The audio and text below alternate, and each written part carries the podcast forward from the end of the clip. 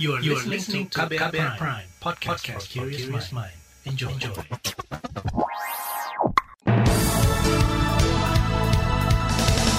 Selamat pagi saudara, senang sekali kami bisa menjumpai Anda kembali melalui program Buletin Pagi edisi Rabu 13 Mei 2021 bersama saya Aika Renata.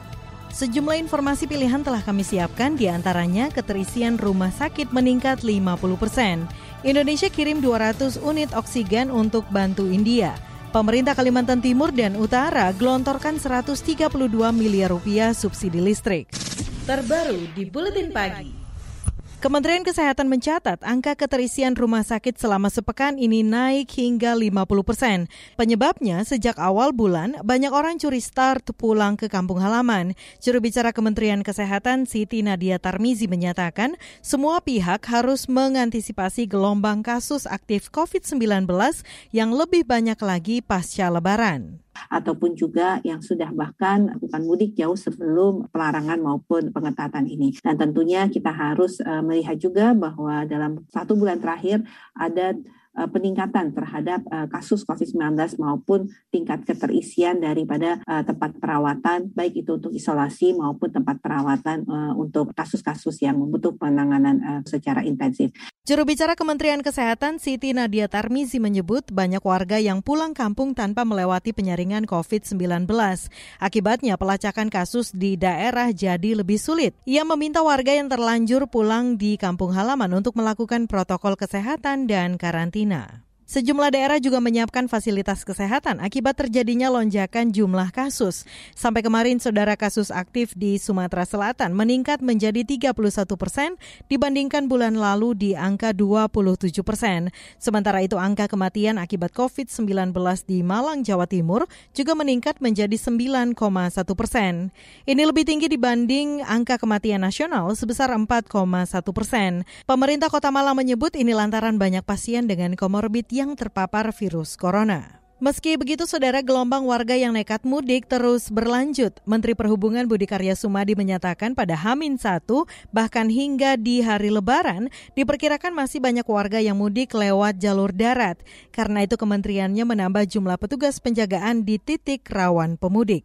Preferensi masyarakat ingin mudik ini tinggi sekali. Kalau di udara, darat kereta api, alhamdulillah eh, penurunannya sangat signifikan, yaitu rata-rata 10 persen.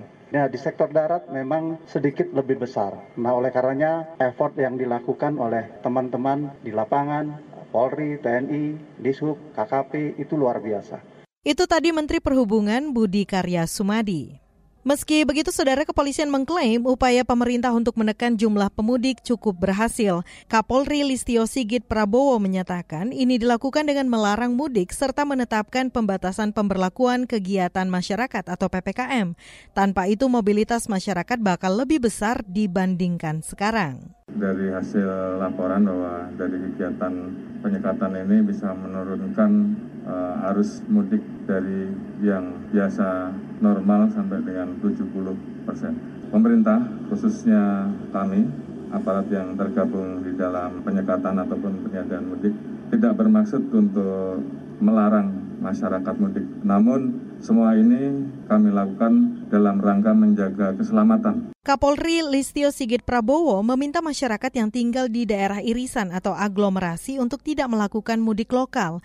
Jika terjadi penyebaran COVID-19, maka kelompok lansia yang rentan akan mudah tertular. Saudara, warga diminta untuk melakukan silaturahmi secara daring demi melindungi kelompok yang rentan terpapar virus corona, terutama bagi mereka yang tinggal di zona merah. Juru bicara Satuan Tugas Penanganan COVID-19 Wiku Adhisa Smito menyatakan, hal terkecil yang bisa dilakukan adalah menghindari kontak fisik untuk menyelamatkan banyak nyawa. Satgas minta agar masyarakat di kedua zona tersebut dapat mengurungkan niat untuk melakukan silaturahmi fisik manfaatkanlah teknologi yang ada untuk melakukan silaturahmi virtual bersama sanak saudara dan kerabat lainnya. Selain silaturahmi, belanja pun disarankan melalui daring. Juru bicara Satgas Penanganan COVID-19, Wiku Adhisa Smito menyebut kerumunan yang ada di beberapa mal pekan lalu sangat mengkhawatirkan dan ikut menyebarkan virus di berbagai daerah. Saudara, pengurus besar Nahdlatul Ulama PBNU mengingatkan warga untuk tetap menjaga silaturahmi meski di tengah situasi pandemi. Caranya dengan silaturahmi secara daring maka jangan putuskan silaturahim. Walaupun kondisi kita sekarang adalah lagi COVID-19, patuhi perintah pemerintah karena silaturahim kita masih bisa dijaga, masih tetap bisa berjalan walaupun dengan cara yang mungkin sedikit berbeda dengan tahun-tahun yang lalu. Itu tadi Ketua PBNU Marsudi Syuhud. Silaturahmi daring adalah cara paling aman untuk tetap berkabar tanpa beresiko menularkan virus. Epidemiolog Griffith University Australia, Diki Budiman. Mari kita jaga dan lindungi keluarga kita, orang tua kita, handai tolan kita dengan melakukan silaturahim daring dan terus menerapkan protokol kesehatan, memakai masker, menjaga jarak, dan menghindari kerumunan keramaian. Sebelumnya, Saudara Kementerian Komunikasi dan Informatika, BUMN, serta Jasa Raharja membuat program mudik online aman dan enak. Sebanyak 5.000 pendaftar akan mendapat pulsa gratis untuk menghubungi keluarganya secara daring. Indonesia kirim 200 unit oksigen untuk bantu India. Informasinya akan hadir usai jeda, tetaplah di Buletin Pagi KBR. You're listening to KBR Pride, podcast for curious mind. Enjoy!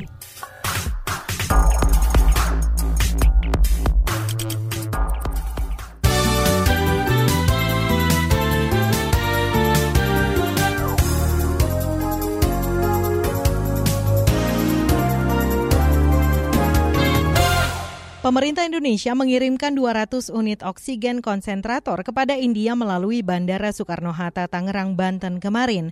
Menteri Luar Negeri Retno Marsudi menyatakan bantuan ini adalah bentuk solidaritas dari Indonesia untuk membantu penanganan tsunami COVID-19 yang terjadi di India.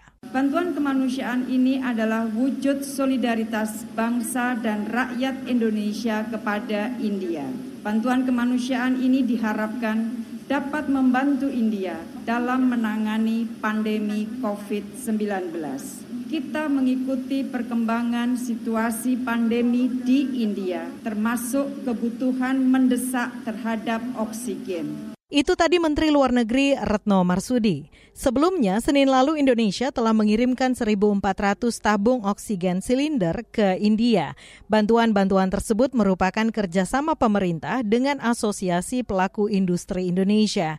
Bantuan itu diharapkan bisa meringankan beban fasilitas kesehatan di sana. Kita beralih saudara, Ketua DPR Puan Maharani mengkritik pemerintah yang tetap membolehkan masuknya warga negara asing WNA, sebab di saat yang sama warga dilarang mudik. Kami minta pada pemerintah, ini yang mewakili pemerintah, kementerian dan tentu saja TNI Polri dalam melaksanakan kebijakannya, ada keadilan dalam melaksanakan kebijakan. Di satu sisi kita melakukan peniadaan mudik, di satu sisi jangan sampai kita memperbolehkan warga negara asing masuk ke negara kita di waktu yang memang belum memungkinkan. Itu tadi Ketua DPR Puan Maharani. Pekan lalu, 150-an warga negara Tiongkok masuk ke Indonesia melalui Bandara Soekarno-Hatta. Mereka menumpang pesawat China Southern Airlines CZ387. Di saat yang sama, ribuan pekerja migran Indonesia juga diperbolehkan pulang tanpa pemeriksaan ketat. Hal ini yang membuat daerah kewalahan dalam menangani sebaran corona yang semakin masif. Kita beralih, pakar hukum tata negara Universitas Andalas Ferry Amsari menyatakan 75 pegawai yang dinonaktifkan Komisi Pemberantasan Korupsi KPK bisa menggugat ke Pengadilan Tata Usaha Negara PTUN. Menurut Ferry, surat keputusan penonaktifan 75 pegawai yang tak lulus tes wawasan kebangsaan itu janggal dan cacat secara administrasi. Tes wawasan kebangsaan diikuti pegawai KPK untuk alih status menjadi ASN. Ya tentu kalau tidak diatur di dalam peraturan perundang-undangan, menurut Undang-Undang Administrasi Pemerintahan 30 2014 itu tidak sah ya, bisa dibatalkan atau kemudian dianggap tidak sah. Nah, tentu saja upaya pembatalan atau menyatakan tidak sah itu diserahkan ke pengadilan tata usaha negara. Gugatan uh, peradilan tata usaha negara itu ya salah satu jenis Pakar Hukum Tata Negara, Ferry Amsari menambahkan SK tersebut dianggap cacat prosedur karena istilah nonaktif tidak ada dalam Undang-Undang KPK. Selain itu pertanyaan yang janggal dalam tes wawasan kebangsaan bisa dikategorikan sebagai tindakan administrasi yang sewenang-wenang. Ke informasi lain, hingga kemarin saudara masih ada pekerja atau buruh yang belum menerima tunjangan Hari Raya THR. Hal itu terungkap dari hasil survei yang dilakukan Lembaga Bantuan Hukum LBH dan Serikat Buruh. Perwakilan Federasi Serikat Buruh Persatuan Indonesia Dian Septi menyatakan sekitar 17 persen dari 123 responden menyatakan belum menerima THR sama sekali dari perusahaan. Besaran THR dibayarkan sesuai ketentuan namun dicicil 13,28 persen. THR tidak dicicil namun besarannya dikurangi 15,4 persen. THR dibayarkan secara dicicil dan besarannya jika diakumulasikan kurang dari ketentuan yaitu 3,3 persen. THR hanya berupa bingkisan atau parcel 2,4 persen. Ya dan yang tidak mendapatkan THR sama sekali itu 17,1 persen. Perwakilan FSBPI Dian Septi menyatakan masalah THR dialami buruh yang bekerja di sejumlah sektor seperti garmen hingga jasa transportasi. Ia menyesalkan pembayaran THR ini kerap kali diputuskan secara sepihak oleh perusahaan. Kalangan buruh menuntut agar pemerintah melindungi hak THR mereka dan meminta pemerintah menindaklanjuti laporan buruh dengan memberi sanksi bagi perusahaan yang melanggar. Kita ke mancanegara. Gesekan antara Israel dan Hamas semakin memanas. Setidaknya dalam semalam, 35 warga Palestina tewas di Gaza dan tiga di Israel dalam aksi saling balas serangan udara. Israel melakukan ratusan kali serangan pada Rabu ketika kelompok militan Palestina menembakkan roket ke Tel Aviv dan Beersheba, satu bangunan tinggi runtuh dan lainnya rusak berat. Dilansir Reuters, utusan perdamaian Timur Tengah PBB Tor Wennesland meminta aksi saling serang dihentikan karena dapat meningkatkan eskalasi menuju perang penuh. Tor menyatakan biaya perang di Gaza semakin besar dan orang-orang biasa yang harus menanggungnya. Untuk itu ia meminta semua pihak menghentikan kekerasan dan kembali tenang. Saudara, Kementerian Kesehatan Brazil mengumumkan telah menandatangani kesepakatan dengan Pfizer untuk menambah pembelian 100 juta dosis vaksin COVID-19. Rencananya, suntikan tambahan tersebut akan dilakukan pada September dan Desember. Dilansir Reuters, hingga saat ini Brazil hanya menerima 1,6 juta vaksin Pfizer. Untuk itu pemerintah meminta untuk pengadaan vaksin disegerakan. Data Otoritas Kesehatan Brazil menyatakan hingga saat ini sebanyak 2.000 kematian terjadi setiap hari karena corona. Total sebanyak 425.000 orang meninggal sejak pandemi dimulai. Kita ke laporan olahraga. Komite Olahraga Nasional Indonesia KONI Provinsi Papua Barat mempercepat pemenuhan sarana dan prasarana latihan bagi atlet dari 26 cabang olahraga untuk menghadapi Pekan Olahraga Nasional PON 20 pada Oktober mendatang. Dilansir dari antara, Ketua Bidang Sarana dan Prasarana KONI Papua Barat, Andrew Valentino menyatakan, hingga saat ini realisasi pembuatan sarana dan prasarana sudah mencapai 80 persen untuk 20 cabang olahraga. Sedangkan untuk 6 cabang cabang lainnya baru bisa direalisasikan setelah Idul Fitri lantaran adanya pembatasan transportasi sejak 6 hingga 17 Mei. Laporan khas KBR bertajuk Belajar Toleransi dari Kampung Sudiro Prajan akan kami hadirkan sesaat lagi. Tetaplah di Buletin Pagi KBR. You're listening to KBR Pride, podcast for curious mind. Enjoy!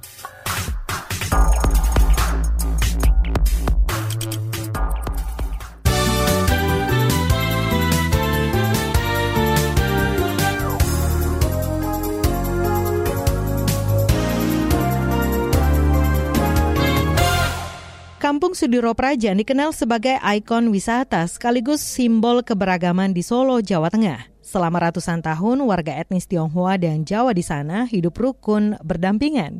Pembauran budaya antar etnis ini menciptakan kekayaan tradisi seperti Grebek Sudiro. Jurnalis KBR Yuda Satriawan bertemu warga Sudiro Prajan dan mencari tahu bagaimana tradisi harmonis antar etnis dilestarikan. Arga Dwi Setiawan tertegun melihat jalanan sekitar kelenteng Tien Koksi yang sepi. Dulu Saban Imlek, panggung megah berdiri di area sekitar kelenteng dan Pasar Gede Harjonagoro, tepatnya di depan Balai Kota Solo. Lokasi itu merupakan pusat Festival Gerbek Sudiro tradisi perayaan Tahun Baru Cina yang sudah menjadi ikon wisata di Solo sejak 13 tahun lalu. Tahun ini sendiri emang untuk Grebek Sundiro sendiri kita untuk eventnya dibatalkan atau tunda karena adanya dengan COVID-19 ini dan segala kegiatan Kemerian karnaval, barongsai, dan liong diiringi lantunan gamelan hingga pembagian ribuan kue keranjang tak bisa dinikmati tahun ini. Harga menunjukkan video dokumentasi Grebek Sudiro yang digelar tahun lalu. Pemuda 28 tahun ini adalah ketua panitianya.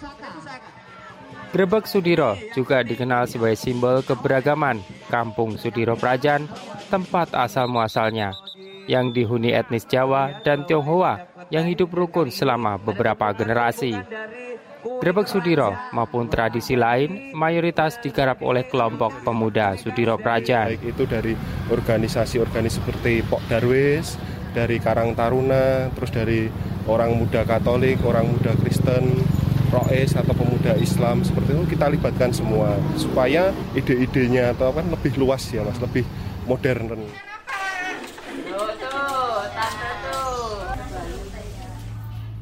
Kerukunan dan akulturasi budaya tampak dalam keseharian.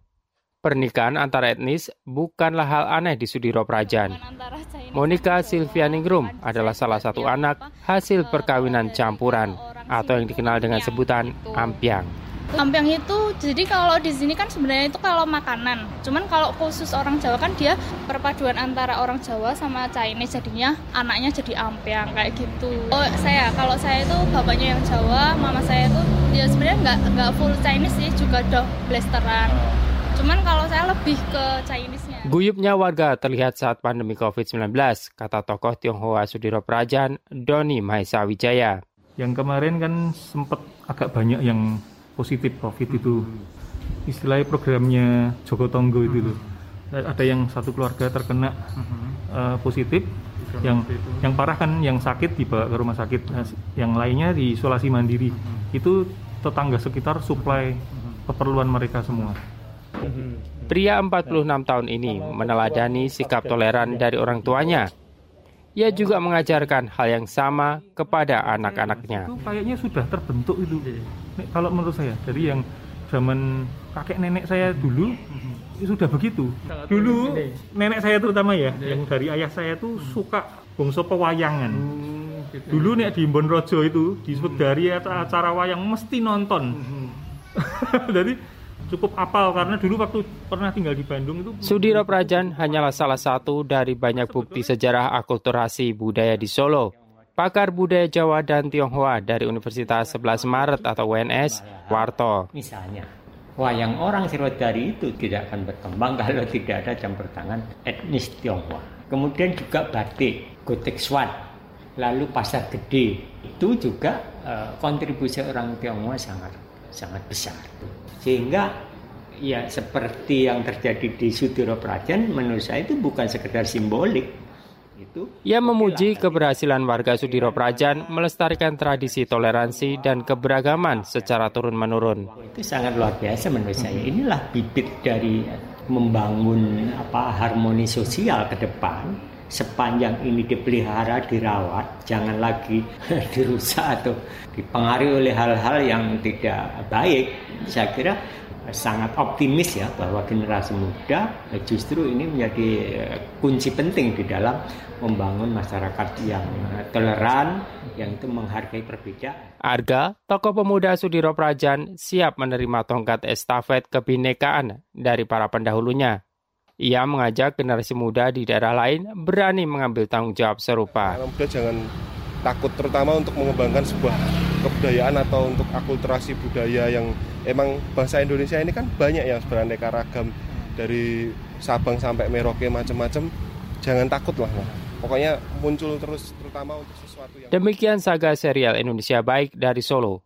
Saya Yuda Satirawan, terima kasih sudah mendengarkan. You're listening to KBR Pride, podcast for curious mind. Enjoy!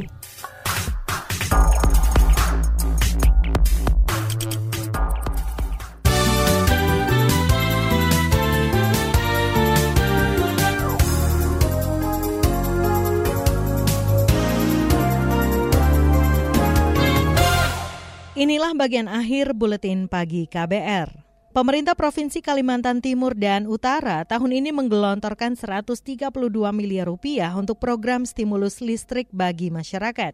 General Manager PLN Kalimantan Timur dan Kalimantan Utara, Saleh Siswanto menyatakan, stimulus itu diberikan bagi warga yang terdampak COVID-19, khususnya pelanggan 450 volt ampere dan 900 volt ampere. Jadi total untuk Provinsi Kaltara program stimulus ya selama bulan Maret 2020 hingga Maret 2021 total 12,4 miliar rupiah. Kemudian yang di Kalimantan Timur totalnya ada sebesar pelanggan stimulusnya ada 175 ribu pelanggan ya, dengan total rupiahnya adalah sebesar 119,9 miliar rupiah. General Manager PLN Kalimantan Timur dan Kalimantan Utara, Saleh Siswanto menambahkan, subsidi listrik masih akan diberikan hingga Juli mendatang. Untuk pelanggan 450 volt ampere akan mendapat subsidi sebesar 50 persen, sedangkan pelanggan 900 volt ampere akan mendapat subsidi 25 persen. Saudara, rasio kematian pasien COVID-19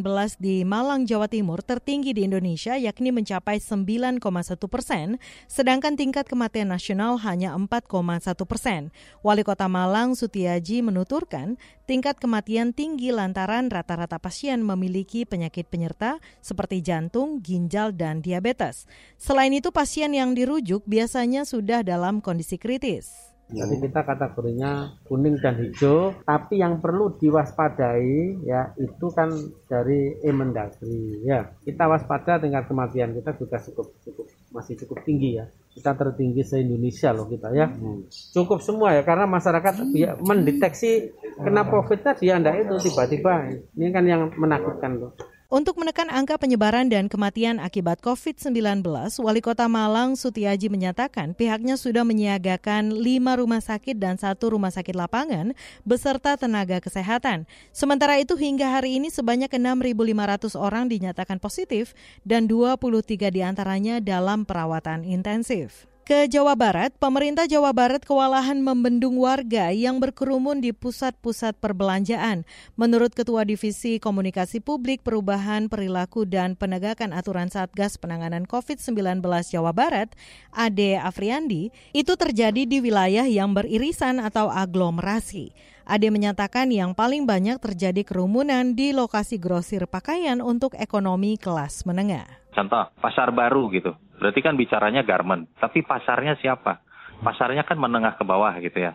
ITC juga gitu, bukan hanya garment tapi apparel gitu. Pasarnya menengah ke bawah. Dari hasil patroli, yang menengah ke atas Trans Studio gitu, BIP itu normal gitu. Tuh, berarti kan menengah ke atas. Ketua Divisi Komunikasi Publik Perubahan Perilaku dan Penegakan Aturan Satgas Penanganan COVID-19 Jawa Barat, Ade Afriandi menyatakan, kebanyakan masyarakat yang membeli pakaian dalam jumlah besar berencana untuk menjualnya kembali di daerah yang sedang mengalami penyekatan. Informasi tadi menutup jumpa kita di Buletin Pagi hari ini. Pantau juga informasi terbaru melalui kabar baru, situs kbr.id, Twitter kami di akun @beritaKBR. Anda juga bisa mendengarkan kembali siaran ini dalam podcast Buletin Pagi di kbrprime.id. Saya Aika Renata bersama tim yang bertugas undur diri. Salam.